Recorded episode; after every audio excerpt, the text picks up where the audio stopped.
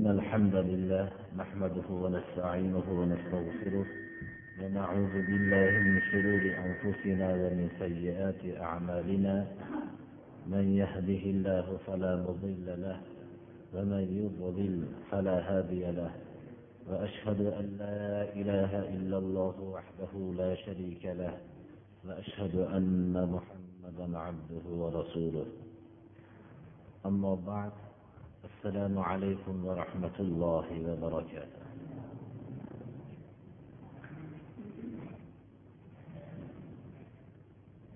qur'oni karimdan juma kunida davom etayotgan darsimiz sura anomning استعيذ بالله وكذلك نفصل الآيات ولتستبين سبيل المجرمين. آياتها kelib to'xtagan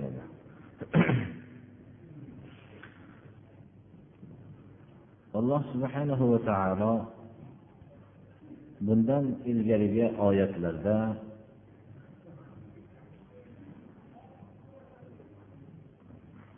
islom haqiqatlarini bayon qilib islom o'lchovi haqiqiy o'lchov ekanligini bildirib rasululloh sollallohu alayhi vasallamning davrlaridagi va abu bakr roziyallohu anhu bu davrlardagi bo'lgan voqealarni biz misollari bilan bu mezoni haqiqiy islom ekanligiga dalolat qiluvchi misollarni avvalgi darsda bayon qilgan bo'ldik.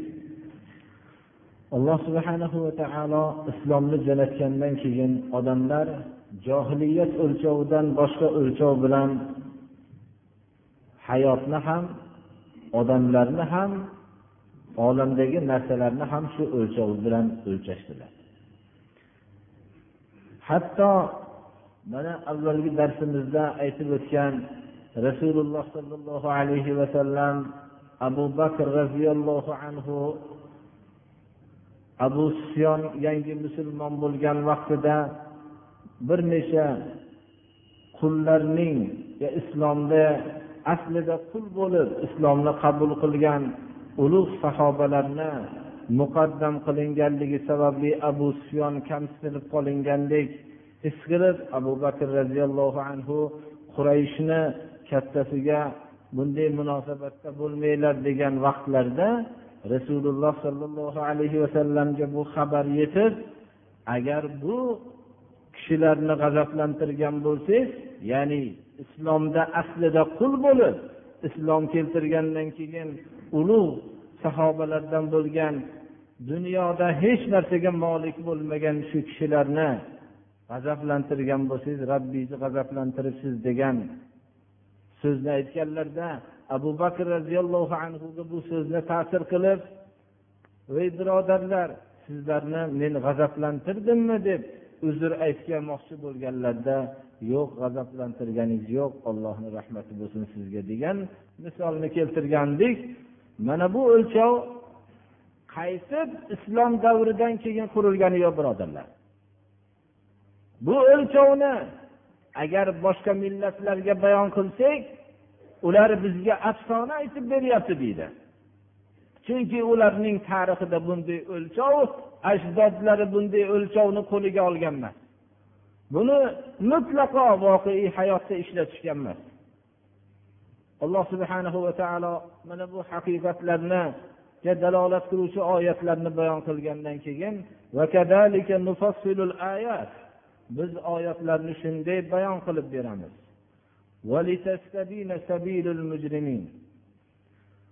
Arab tilini bilgan birodarlarimiz mana bu yerda bir haqiqatni tushunib ketmoqliklari kerak.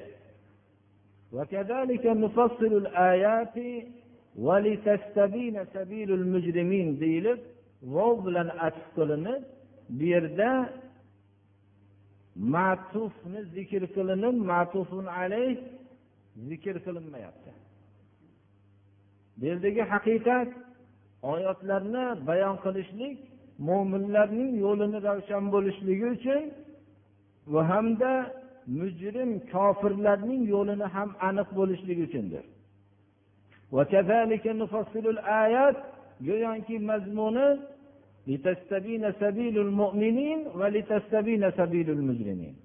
mo'minlarni yo'li nima mana bu haqiqat ham ochilsin. Haqiqatda qur'oni karimni biz bayon qilib qilibganligini eshitganimizdan keyin mo'minlarni yo'li nima ekanligini bilib olamiz. Ammo mujrimlarni yo'li ham bu bilan ravshan bo'ladi. Inson modomiki mujrim kofirlarni yo'lini aniq bilmaguncha o'zidagi ne'matni ham qadriga yetmaydi birodarlar.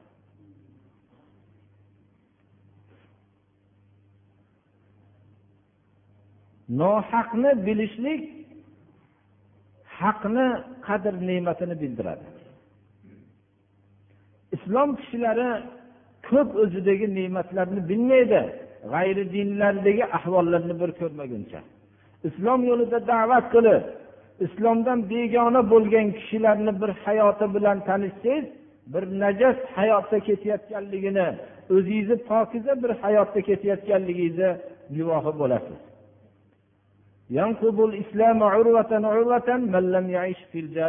Deb umar ibn hattob roziyallohu anhu marhamat qilganlar islomni birma bir qadrlay olmaydi johiliyat hayotini ko'rmagan odam.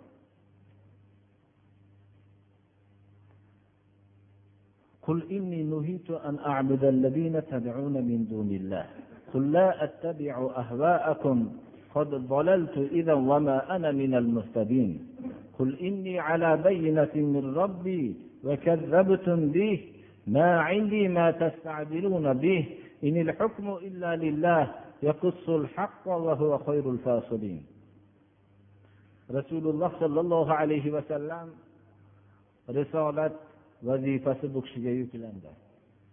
Risolat vazifasi nihoyatda bir og'ir vazifa edi. Bu vazifa yuklanishligidan ilgari alloh subhanahu va taolo bu kishini o'zining ilhomi bilan g'or hiroda ibodat qilishlikka buyurdi. Bu kishiga avvalgi nozil bo'lgan oyatlar birinchisi mufassirlarning ittifoqi bilan iqro surasi bo'lsa ikkinchisi agarchi ixtilofli suratda bo'lsa ham yoyinki aniq uchinchisi ya muzammil surasidir bunda tahajjud namoziga buyurdi. Kechqurunda bedor bo'lishlikka buyurdi. Kechaning yarmida yo yarmidan ko'prog'ida yo yarmidan ozroq muddatda bedor bo'lib allohga ibodat qilishlikka buyurdi alloh taolo. Sababini ham bayon qildiki yaqin kelajakda sizga og'ir yukni yuklaymiz. Shunga hozirlik ko'ring deb. Rasululloh sollallohu alayhi vasallamga vahiy nozil bo'layotganda sovuq o'rinlarda turganlarda ham butun vujudlaridan ter oqib ketardi. Vahiy nozil bo'lgandan keyin bu terni artadilar mana bu oyat yana bir bor rasululloh sollallohu alayhi vasallamning risolat vazifasini o'tashlikdagi og'irliklariga dalolat qiluvchi bo'lgan bir necha ming dalolatning bittasi deb aytsak xato bo'lmaydi. Agar buning og'irligini bilmoqchi bo'lgan kishi o'zining ro'barusida turgan islom haqiqatini bilmagan shirk maraziga giriftor bo'lgan maraziga giriftor bo'lgan kufr marazlariga giriftor bo'lgan kishilarga bir shu so'z bilan xitob qilishlikni ko'z oldiga keltirsa yoyinki xitob qilsa unda yana ham haqiqatini biladi. Alloh subhanahu va taolo rasulini buyurdiki qul ayting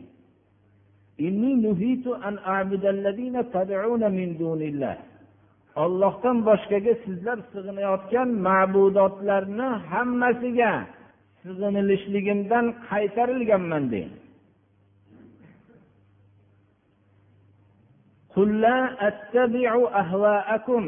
sizlarning xohishinglarga men ergashmayman deng takror alloh subhanahu va taolo aytyapti men agar sizlarning xohishinglarga sizlarning yo'linglarga ergashsam adashganlardan bo'laman deng hidoyat topgan kishilardan mutlaqo bo'lmayman deb e'lon qiling deyapti alloh taolo biror bir doi olloh tarafiga da'vat qiluvchi doi ichimizda shu narsani e'lon qilolmaganmi birodar undan tashqari kalimasidagi alladina kalimasiga agar diqqat bersak arab tilini bilgan kishilar arab qoidasini bilgan kishilar alladina aqlli kishilarga iste'mol qilinadi. Mabodo aqlsiz jonsiz narsalarga iste'mol qilinadigan ismi mavsul keladigan bo'lsa mo bilan keltiriladi. Demak ollohdan boshqaga sig'inadigan kishilar aqlli odamlarning o'zlariga ma'bud qilib olishlari ham mumkin. Ana shu sizlar ma'bud qilib olgan aqlli kishilarga men sig'inmayman deb e'lon qiling deyapti alloh taolo. Aqli bilan yo'l topib ollohni yo'lini qo'ygan o'zini aqlli sanagan kishilarga men mutlaqo sig'inmayman sig'inishlikdan olloh tarafidan qaytarilganman deb e'lon qiling deyapti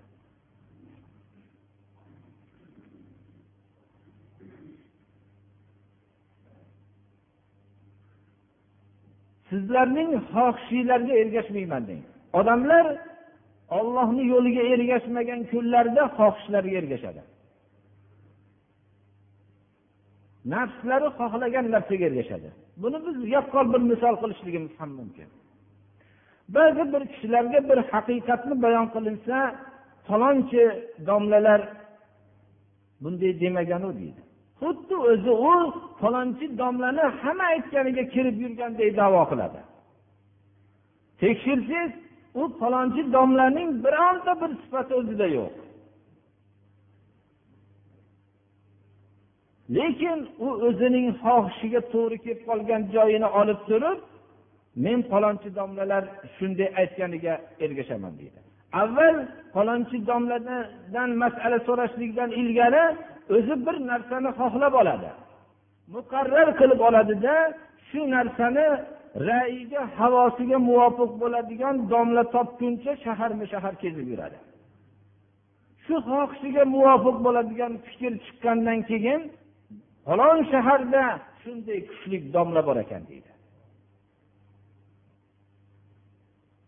Misoli shunga o'xshaydiki bir maishatga berilib qolgan odamlar tabiblarni oldiga borsa kuchli taomlarni yemang siz faqat xo'rda iching yoyinki bo'lsa siz faqat qatiq iching yog'li narsalarni yemang desa u doim maishat bilan o'rganib qolgan odamga bu og'ir keladida boshqa bir tabibni ham oldiga borib ko'raychi deydi. Shaharma shahar tabibni istaydida bir o'zini ra'yiga muvofiq taomlarni aytadigan tabibni topib shu yerda kuchli tabib bor ekan deganga o'xshagan ana inson islom haqiqatiga ergashmagan soatda xohishiga ergashadi. Rasululloh sollallohu alayhi vasallamga alloh taolo mana bu oyatni nozil qilyapti. Ayting sizlarning xohishinglarga men ergashmayman deb. Adashgan bo'laman hidoyat topuvchi kishilardan mutlaqo bo'lmagan bo'laman deb e'lon qiling deyapti.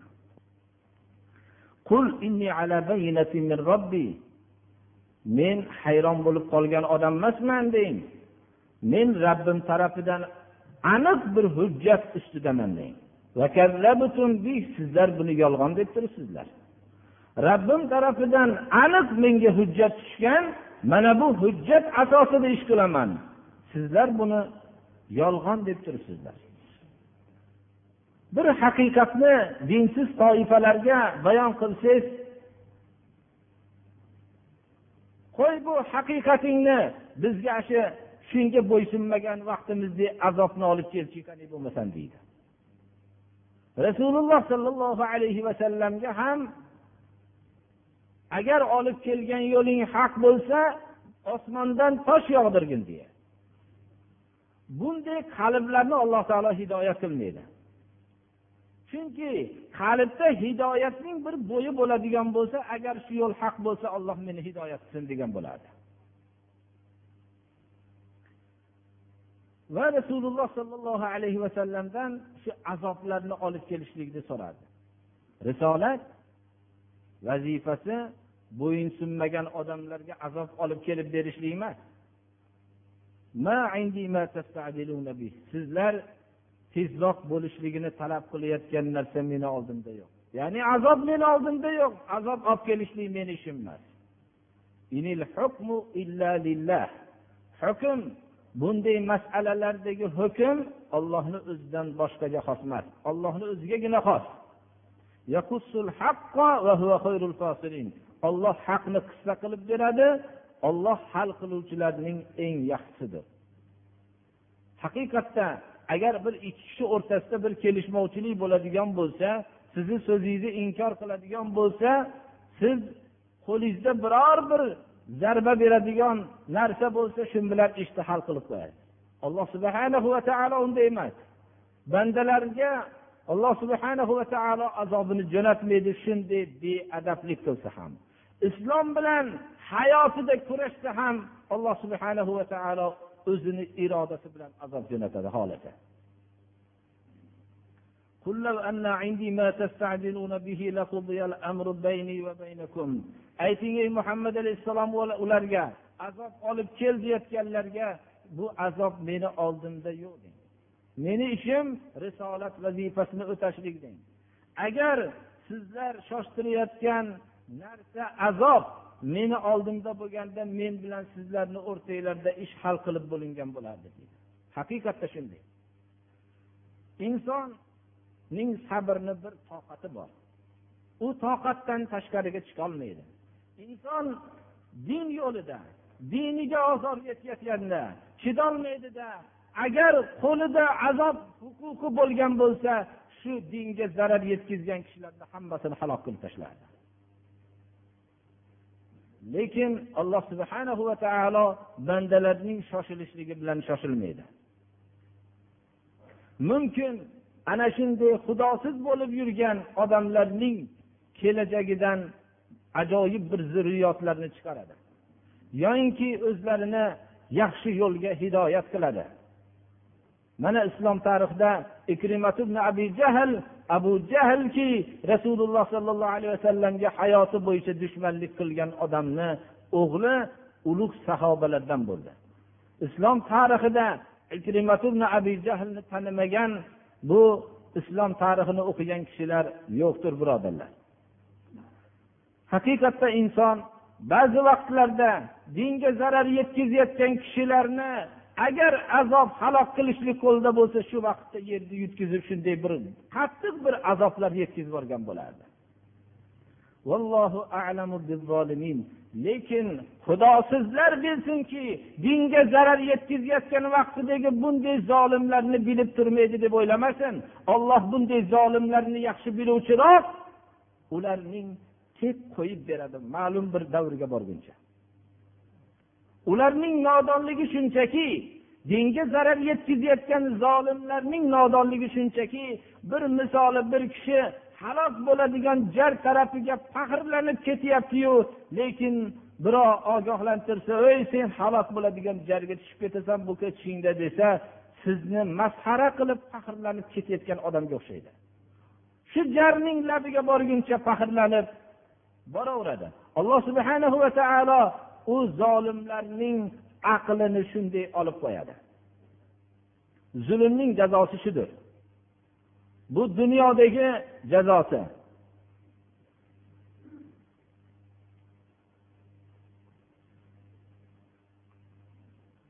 Ba'zi hayotdagi ishlarni inson hech bir aql tarozisi bilan o'lcholmaydi. Buning hikmatini alloh subhana va taolo o'zigina biladi. Rasululloh sollallohu alayhi vasallamdan keyingi ulug' zot abu bakr roziyallohu anhu hisoblanadilar butun ulamolarning ittifoqi bilan. Abu bakr roziyallohu anhuning ayblari rabbim olloh degan edilar. Shu ayblar ularni. Biror kishiga u kishi zarar yetkazgan emas edilar. Rabbim olloh deb rasululloh sollallohu alayhi vasallamning tasdiqlagan zotlarning avvalgilaridan edilar. Abu bakr roziyallohu anhuning rabbim olloh deganligiga makka mushriklari ko'p ozor berishdilar. Bu ozorlardan bittasi shunday bo'ldiki u kishini haddan tashqari qattiq urishdilar. Hattoki ko'zlari bilan burunlarini ajratib bo'lmaydigan darajada jarohatlatib urishdilar. Shundagi bu kishining so'zlari insonning qalbida abu bakr roziyallohu anhuning qanchalik ulug'liklariga dalolat qiladi? Robbi ma ahlamak robbi ma ahlamak dedilar. Ey robbim qanday halimsan ey robbim qanday halimsan dedilar. Ya'ni o'zingni do'stingga shunchalik dushmanlar ozor berayotgan vaqtda ham dushmanlarni halok qilmaysan. Zolimlar o'ylab qolmasinki dinga zarar yetkazayotgan vaqtida biz shunday o'tib ketamiz deb o'ylamasin. Birinchi xalqlar tarafidan malun bo'ladi. Alloh subhana va taoloning farishtalari butun olloh tarafidan malun bo'lib la'natlanib o'tadi. Undan tashqari shunday farzandlariga nasihat qilib o'tib ketishgan bo'lsalar ota onalari mas'uliyatdan qutulishadi. Ammo mas'uliyatni o'tashmagan bo'lsalar agar farzandlarini ogohlantirmagan bo'lsa dinni zarariga ish qilayotgan vaqtda o'tib ketgan bo'lsa la'nat qabristoniga borib turadi. Tiriklikda bo'lsa xalqlar bunday tarbiya qilgan farzandning otasiga la'natlar bo'lsin deb e'lon qiladi. Shuning uchun ba'zi bir holatlarda mo'min kishilar ko'p fikrlashlari kerak birodarlar. Ba'zi vaqtda abu bakr roziyallohu anhu zot shunchalik burunlari bilan ko'zlarini ajratib bo'lmaydigan darajada din yo'lida ozor tortganlarida xudoyo qanday halimsan qanday halimsan o'zingni do'stingni? Dushmanlaring bilan shunchalik ozor berayotgan bo'lsa dushmanlar ham sen bularni halok qilib tashlamaysan dedi. Haqiqatda ilgarigi ajdodlarimizni qatl qilinib u qatlning suratlarini inson ta'riflab bo'lmaydigan darajada azob berilgan vaqtda ham alloh subhanahu va taolo qanday bir halim bo'lib turdiki bu narsani hikmatini o'zi biladi. Lekin mo'minlar shuni bilishadilarki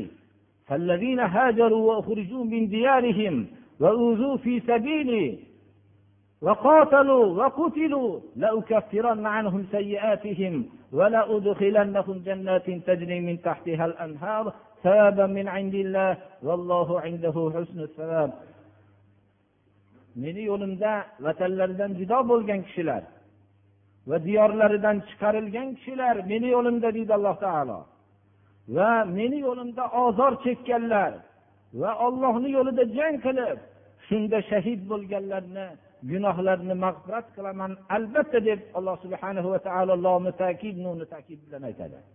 Va ularning ostlaridan anhorlar o'tgan bog'larga kirgizaman deydi. Mo'minlar islom yo'lida ozor tortgan vaqtlarida allohga hamd aytishadilar va sabr qilishadilarda alloh subhanahu va taoloning mukofoti bizni kutib turibdi deydi lekin bu degan so'z xorlikni qabul qilib turish degani emas birodarlar bu qilayotgan amallarida davom etishadilar alloh subhanahu va taoloning mukofotiga sazovor bo'lishlari uchun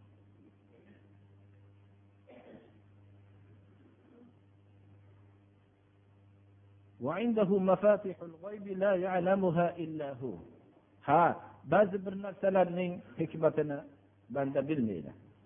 Bu alloh subhana va taoloning g'ayb xazinalaridan bittasidir. Buning hikmatlarini alloh subhana va taolo o'zi biladi. Ollohni huzuridagina g'ayb xazinalari. Bu g'ayb xazinalarini ollohdan boshqa bilmaydi. Olloh quruqlikdagi suvlikdagi narsalarning hammasini biladi. Alloh subhana va taolo tushib turgan har bir bargni bilib turadi. Alloh subhana va taolo yerning qorong'uliklarida joylashgan har bir urug'ni bilib turadi. Alloh subhana va taolo hayotdagi ho'lu quruqning hammasini o'zining azaliy kitobida bu narsalarning hammasi muqarrardir. Ba'zi hozirgi bu oyatni iborasi tushunarli bo'ldi. Ya'ni g'ayb xazinalarning hammasi alloh subhana va taoloning o'zini huzuridadir. Ollohning dushmanlari din dushmanlari ollohning do'stlariga qattiq ozor berayotgan vaqtlarda ham ba'zi bir sirlar borki bu sirlarni alloh subhanahu va taolo o'zi biladi. Buning g'ayb xazinalaridan sanadi. o'zining eng yaqin do'stida bu narsani amaliy suratda alloh subhana va taolo ko'rsatdi maktuboti imom rabboniyda imom rabboniy bir maktublarning xutbasida alhamdulillahi ala نعمائه والصلاة على نبيه الذي أوذي في سبيله أذى لم يوذ أحد بمثله deb shunday hamd bilan boshlaydilarki ollohni ne'matlariga allohga hamdlar maqtovlar bo'lsin. Va allohning rahmati allohning farishtasiga bo'lsin payg'ambariga bo'lsinki ollohni yo'lida ozor chekkan biror bir kishi bunday ozorni hayotida tatimagan. Rasululloh sollallohu alayhi vasallamdaqa olloh yo'lida ozor chekkan kishi yo'qdir. Mana bu narsaning hikmatini alloh subhana va taolo o'zi biladi.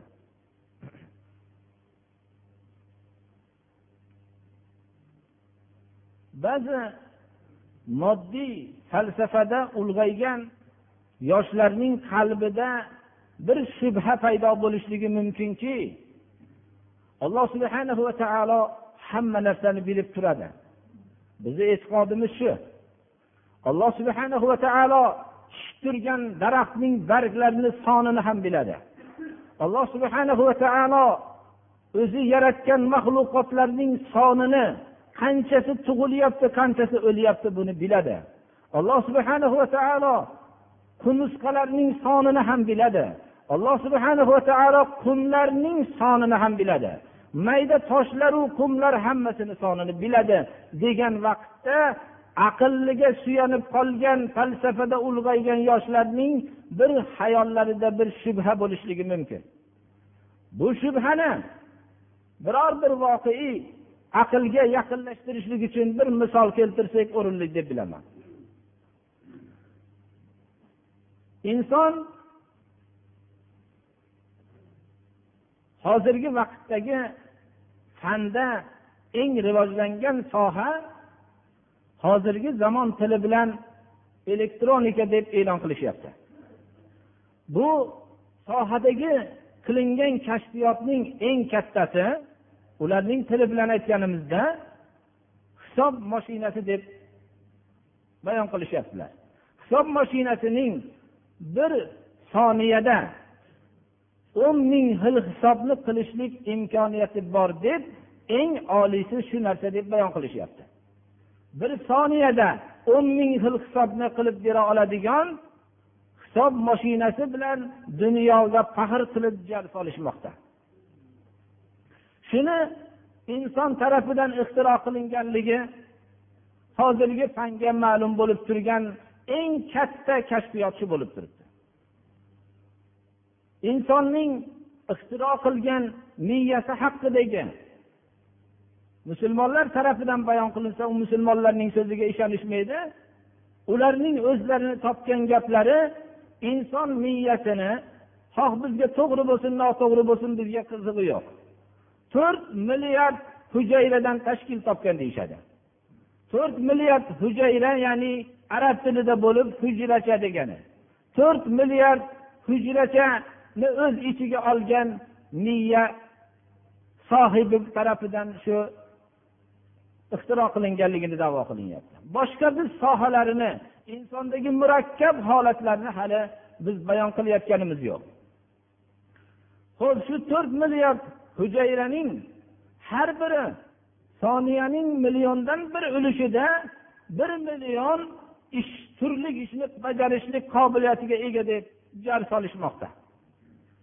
Shu jar solinayotgan demak bir soniyada insonning bir millionning ko'paytirilgan yana bir million ko'paytirilgan holatdagi amalni bajarishlik imkoniyatiga ega deb tasavvur qilsak ularning kashfiyotlari asosida shunchalik agar to'rt milliard hujayrasi bo'lsa har bir hujayraning imkoniyati shuncha bo'ladigan bo'lsa demak insonning ixtiro qilib topgan narsasi bir soniyada o'n ming xil hisobni egallik qila oladigan bir narsani ixtiro qilgan bo'lsa hisob mashinasini demak insonning miyasi to'panak bosib yotganligini isbot bo'ladi shunchalik murakkab aql egasi bo'lgan inson bilan uning ixtiro qilgan hisob mashinasi o'rtasidagi nisbatni olsak juda ham bir u ixtiro qilgan narsasi bir oddiy bir teshik tog'ora chirib qolgan narsa bo'lib qoladi.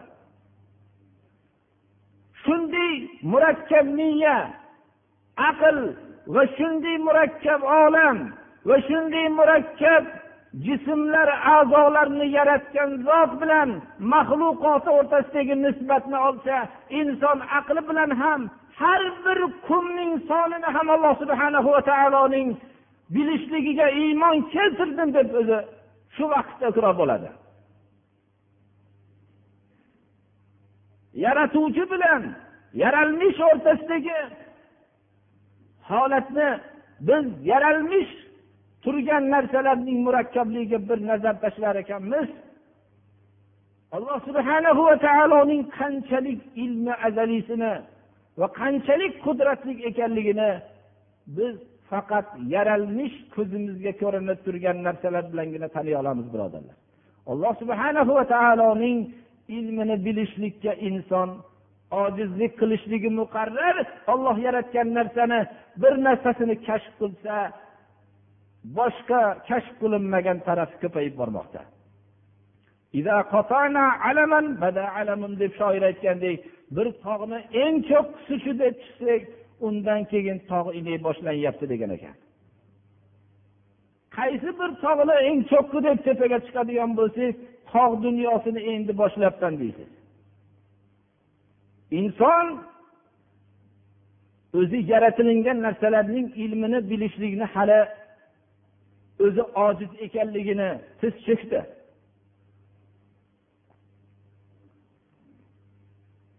alloh subhanahu va taoloning qudratini bir shoir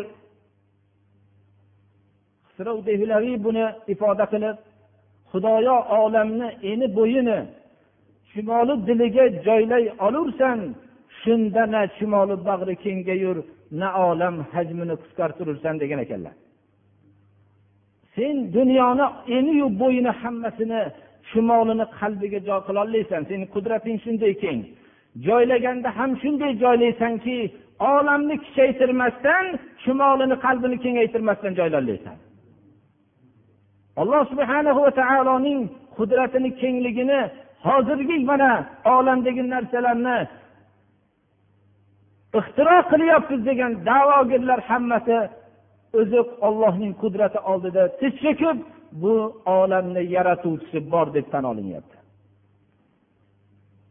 Shuning uchun ham g'ayb xazinalari alloh subhanahu va taoloning huzuridadir. Alloh subhanahu va taolodan boshqa g'ayb xazinalarini hech kim bilmaydi. Quruqlikda suvlikda qanday olamlar bor bu narsani alloh subhanahu va taolo biladi. Biror bir barg tushib turgan bo'lsa olloh uni bilib turadi. Alloh subhanahu va taolo yerning qorong'iliklaridagi unib o'sishlikdan ilgari urug'larni hammasini bilib turadi. Alloh subhana va taolo qurugu ho'lni hammasini dunyoda bor ekan o'zining ilmi azaliysi bilan bilib turadi. O'zining ilmi azaliysida bu narsalar hammasi kitobat qilingandir.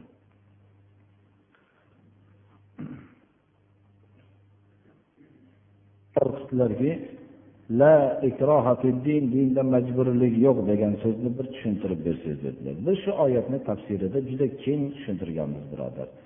Bu yerda hozir gapirib berishligimiz shu narsani mana shariflarga yozilgan dinda majburlik yo'q degan uchinchi porani birinchi betida biz shu darsni yaxshilab o'tganmiz.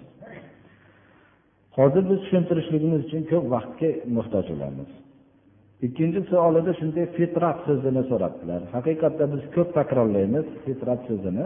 Fitrat bu bizni o'zbek tiliga tushunarli bo'lishligi bo'lsa u ham arabcha so'z bo'lib tabiat ya'ni g'ariza deymiz insondagi tabiat bu fitrat bitta ma'nosi shu. Degan so'z har bir kishi islom pok tabiat asosida tug'iladi degan fitrat poklik ma'nosida ham bo'ladi. Fitrat ayb emas ya'ni fitrat tabiiy bo'lgan ish ayb emas masalan bir kishi qorni ochadi. Bu tabiatan qorni ochadi. Alloh subhana va taolo shu fitratni ya'ni shu tabiatni unga o'rnatgan. Men qornim ochmaydi deydigan biror odam aytmaydi. Inson uxlaydi. Inson bu uxlashligi tabiatdir. Undan tashqari inson jinsga muhtoj nikoh. Mana bu fitrat bu narsa. Inson qo'rqadi. Bu fitratdir. Lekin islom shu narsani shu fitrat asosida tug'iladi deyilganligi islom nimani buyurgan bo'lsa nimadan qaytargan bo'lsa shunaqa pokiza tabiatda tug'iladi. Ota onasi uni kelajakda yahudiy qiladi yo nasoro qiladi yo majusiy qiladi. Hozir qilsin. Bizni masjid jome madrasa masjidida bir narsani bir eslatib qo'ymoqchiman bizni jome madrasa masjidiga ilgari kuni kechqurun ikkita katta avtobusda militsiya liboslari bilan kiyingan noma'lum shaxslar shu yerda paydo bo'lgan. Shuning uchun bu yerga peshonalarini sajda qilib turadigan o'ringa hojatxonalarga kiradigan bo'lib ham umrida tahorat nima mustahab nimani bilmaydigan tahoratxonalarga kirgan oyoq bilan masjidning gilomlari bosilgan. Bu bu xorlikka jome madrasa masjidining mas'ul kishilari hech chidolmadi bunga. Va shunday ovoz kuchaytirgichlarni hammasini hech kimdan so'ramasdan biror bir ma'muriy tashkilotlardan ruxsatnoma qog'ozsiz olib chiqib ketilgan. Juma namozida kecha peshinda bu yerdagi jomi madrasa masjidida hammaga ma'lum eshitilib turibdi. Bu yerga jo'natilayotgan josuslar ham eshitishib turibdi bu narsani.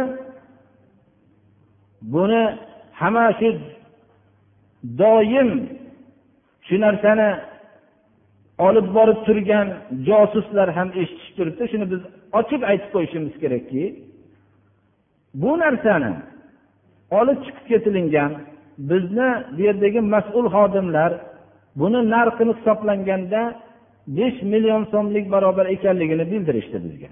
Keltirgichlar ollohni irodasi bilan bu yerga qaytarib kelinmagan bo'lganda hozirgi o'n minglab qatnashib turgan bu yerdagi kishilar bu darsimizni yoinki bu yerdagi so'zlarimizni eshitishmagan bo'lardi. Shu yerdagi murojaat qilinishlikdan ham qizig'i shuki ilgari bu narsani kechasi bilan shu ba'zi kishilarning uylari nazoratga olingan. Olinibgina qo'ymasdan kuch ishlatib ba'zi kishilarni olib chiqib ketilingan mana jome madrasa masjidimizda shu kishilar hozir o'tirishibdilar. Hech qanday ruxsatnoma bo'lgan qog'ozni ko'rsatmagan qonunsiz bajarilgan. Bu qonunsiz bajarilgan savol bo'lganda yana takror aytamiz bundan mutlaqo bizni xabarimiz yo'q deyishgan. Shuning uchun hozir biz yuqori tashkilotlarga bizni andijon viloyati bunga javob bermaganligi uchun katta bir xatlar uyushtirib qo'yilgan. Biz hozir shu narsani boshqa odamlar ham hammalari shuniga o'zlari nima bo'lganligi uchun shu yozma ravishlikda biz yuqori o'rinlarga bu masalani kim bizga hal qilib beradi xabarsiz bo'lishligi bilan bunda e'tiborsiz qolinayotganligi va shuni kim ijro qilganligi agar shu narsa bizni ovoz kuchaytirgimizni qo'yishlikka alohida bir qaror bo'lsa ko'rsatilsin biz olib tashlaylik shu narsani. Bu ovoz kuchaytirgichni men yo birov yo boshqa qo'ygan emas bu mana shu yerdagi xalqni musulmonlarni pullari bilan olingan narsa. Bu musulmonlar mulki bo'lganligi uchun murojaat qilinganda o'zlari kechqurun bilmaymiz qo'yib ketishibdi. Kechasi yarim kechadan keyin bu ish sodir bo'lgan birodarlar. Qorovullarimizni ichkariga qamab qo'yishgan. Shunday qilib bu ish qilingan. Kim tarafidan qilinganligi noma'lum. Lekin shu shaxslarni ushlab chiqib ketgan odamlar tug'ilgan yili va ularning ismi sharifi va ularning masalan shunday tarbiya qilgan ota onalarni nomigacha bor birodarlar. Ularni mana shu yo'lda tarbiya qilgan ota onalarni hammasini nomlarigacha bor. Qaysi mahallada turishadi? Shular ustidan bizni jome madrasa masjidini xususan jabrlangan kishilar bunga hech bir chidab turisholmayaptilar agar kecha qaror qilinganida mana shu yerdan turib juma namozi o'qilinishligi bilan bizni mana shunday xorlangan huquqimizni talab qilib berishlik uchun ana shu hokimiyat oldiga bir uchrab qo'yilib turib keyin toshkent sari yo'l olishlikka bu ma'lum bir kishilar bu yerdan tayinlanib har bir nohiyalardan shunaqa qilinishligi hozir buni olib kelinganligi bilan bir maslahat berardimki men otaxonlarimizdan ham iltimos qilardimki hozircha shu narsani bir to'xtatib tursak. Ya'ni bu yerdagi bu narsani agar hokimiyatdagi kishilar nahotki ikkita avtobusda militsiya kiyimini kiygan noma'lum kishilarni kimligini bizga ajratib berolmasa bu juda bir katta bir ish u. Agar bir kishini biror bir oddiy bir do'kondan bittanta bir molni olib chiqib ketsa uni tamomiy uni shu mahallani hammasi tekshirilib shunday qilinadi. Bu yerda o'n mingdan ko'p odam namozda ishtirok etayotgan kishilarning moli mulklari bunday depsalanadigan bo'lsa buni biz yozma ravishda hammasini muhokamaga qo'yganmiz. Buni ruxsatsiz xususan bo'lib ham masjidga kirilganligi ba'zi mulklarni yo'qolganligi ham ma'lum. Bu narsa biz sizlarga uni aytib o'tirmaymiz. Inshaalloh bu narsa haqida ozgina men bir birodarlarimizni bir sabrga chaqiraman. Bu narsa haqida bir ozgina nima qilamiz? Biz hozircha shu narsani bir narsa bilan cheklanamiz. Bizni hozirgi darsimizda aytgandek qalbimizda har narsa qilib tashlashlikka iymonli kishi odam chidolmaydi. Chidolmaydida lekin u bizni qo'limizda emas. Rasululloh sollallohu alayhi vasallam aytyaptilarki bu narsa meni qo'limda emas deyaptilar. Bizni qo'ling dining haq bo'lsa yo'qotib tashla deyishar ekan payg'ambarimiz sollallohu alayhi vasallamga. U narsa bizni qo'limizda emas birodarlar. Alloh subhana va taoloning hukmida shuning uchun qo'lida bo'lgan zotga hozir yolborib duo qilamiz. Biz agar bir ming to'qqiz yuz saksoninchi yil dinga qarshi ashaddiy kurashgan davrda shu ovozni kuchaytirishga ruxsat berilgan birodarlar. Dinni yo'qotib tashlashlik kerak degan davrdagi mana ularning butun malun bo'lganligi hozir ham qoldi. Shunday malun bo'lib qolgan odamlar ham shu ovoz kuchaytirgichga ruxsat bergan birodarlar. Saksoninchi yildan boshlab shu ovoz kuchaytirgich masjidlarga qo'yilgan. U vaqtda biror bir masjid ochilgan emas edi birodarlar. Lekin bu egasi yo'q narsa. Biz so'radik biror bir qaror bo'lsa shu qarorni ko'rsatinglar bizga. Biz shu qarorni xalqqa o'qib beraylik. Bu xalqni o'n minglab kishilarning ham xalqni bir e'tibori bormi yo yo'qmi? Qaror bo'lsa o'qib beringlar. Lekin egasi yo'q birodarlar. Hozirgacha buni buyruq qilgan odamning egasi yo'q. Lekin ba'zilar tarafidan bizga bu yuqori taraflardan bu prezidentlik tarafidan bo'lyapti deb mahalliy hokimiyatli ba'zi kishilar aytayotganligi ma'lum bo'lyaptiyu lekin u prezident tarafidan bunaqa bo'lmaganligini bu yerdagi o'tirgan kishilar hammasi biladi. Shuning uchun bu yerda bir tekshirilib bir aniq bir ma'lumotsiz hozirgacha qandaydir bir qora kuchlar aylanib yurganligi ma'lum bo'lyapti bu narsa. Shuning uchun hozirgi menga ko'p nohiyadan hamma imom xatiblar ko'plar kelib hatto mana bu qo'shni masjidlardan ham hammasi kelib biz bu xorlikka biz ham chidolmaymiz bu narsaga. Deb hammani shuni qilyapti. Men birinchi murojaatnoma bilan hozirgi cheklanib va halok qilishlik va hidoyat qilishlik qo'lida bo'lgan zotga yolborishlik bilan cheklansak deyman. Alloh subhana va taolo birinchi islomga josuslik qilayotganlarni olloh halok qilsin. Alloh subhana va taolo o'zini ko'rinishini namozga kiryapman deb musulmonlarni o'rtasini fitnaga solib shunday qilayotganlarni alloh subhana va taolo tuzalmas dardlarga giriftor qilsin. Alloh subhana va taolo shunday farzandlarni tarbiya qilishlikni alloh hech qaysimizga nasib qilmasin. Alloh subhanahu va taolo agar farzandlarimizdan din bilan kurashadigan avlodni bo'lishligini iroda qilsa o'zi halok qilib yoshligini yo'qotib yuborsin alloh subhanahu va taolo zurriyotimizdan dinga yordam beradigan kishilarni chiqarsin. Alloh subhanahu va taolo dini islomni o'zi himoyasiga olgan o'zi himoya qilsin.